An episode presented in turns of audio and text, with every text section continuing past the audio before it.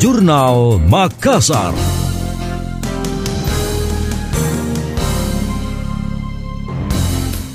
Direktorat Jenderal Bina Pemerintah Desa Yusharto Hontoyungo mendorong aktivitas posko PPKM di setiap desa dapat terlaksana dengan baik, sebab hal itu menjadi patokan pencapaian penanganan COVID-19 di Sulsel.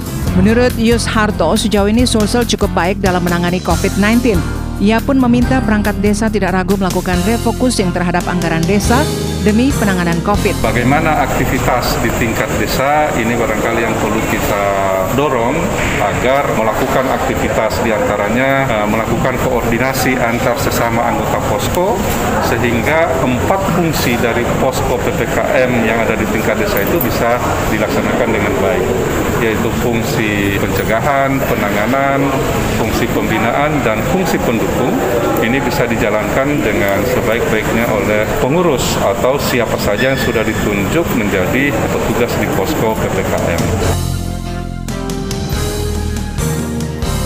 Untuk diketahui berdasarkan instruksi Kemendagri, posko tingkat desa kelurahan dibentuk untuk melakukan mekanisme koordinasi, pengawasan dan evaluasi pelaksanaan PPKM berskala mikro. Posko ini memiliki empat fungsi, yakni untuk pencegahan, penanganan, pembinaan, dan pendukung pelaksanaan penanganan COVID-19 di tingkat desa atau kelurahan.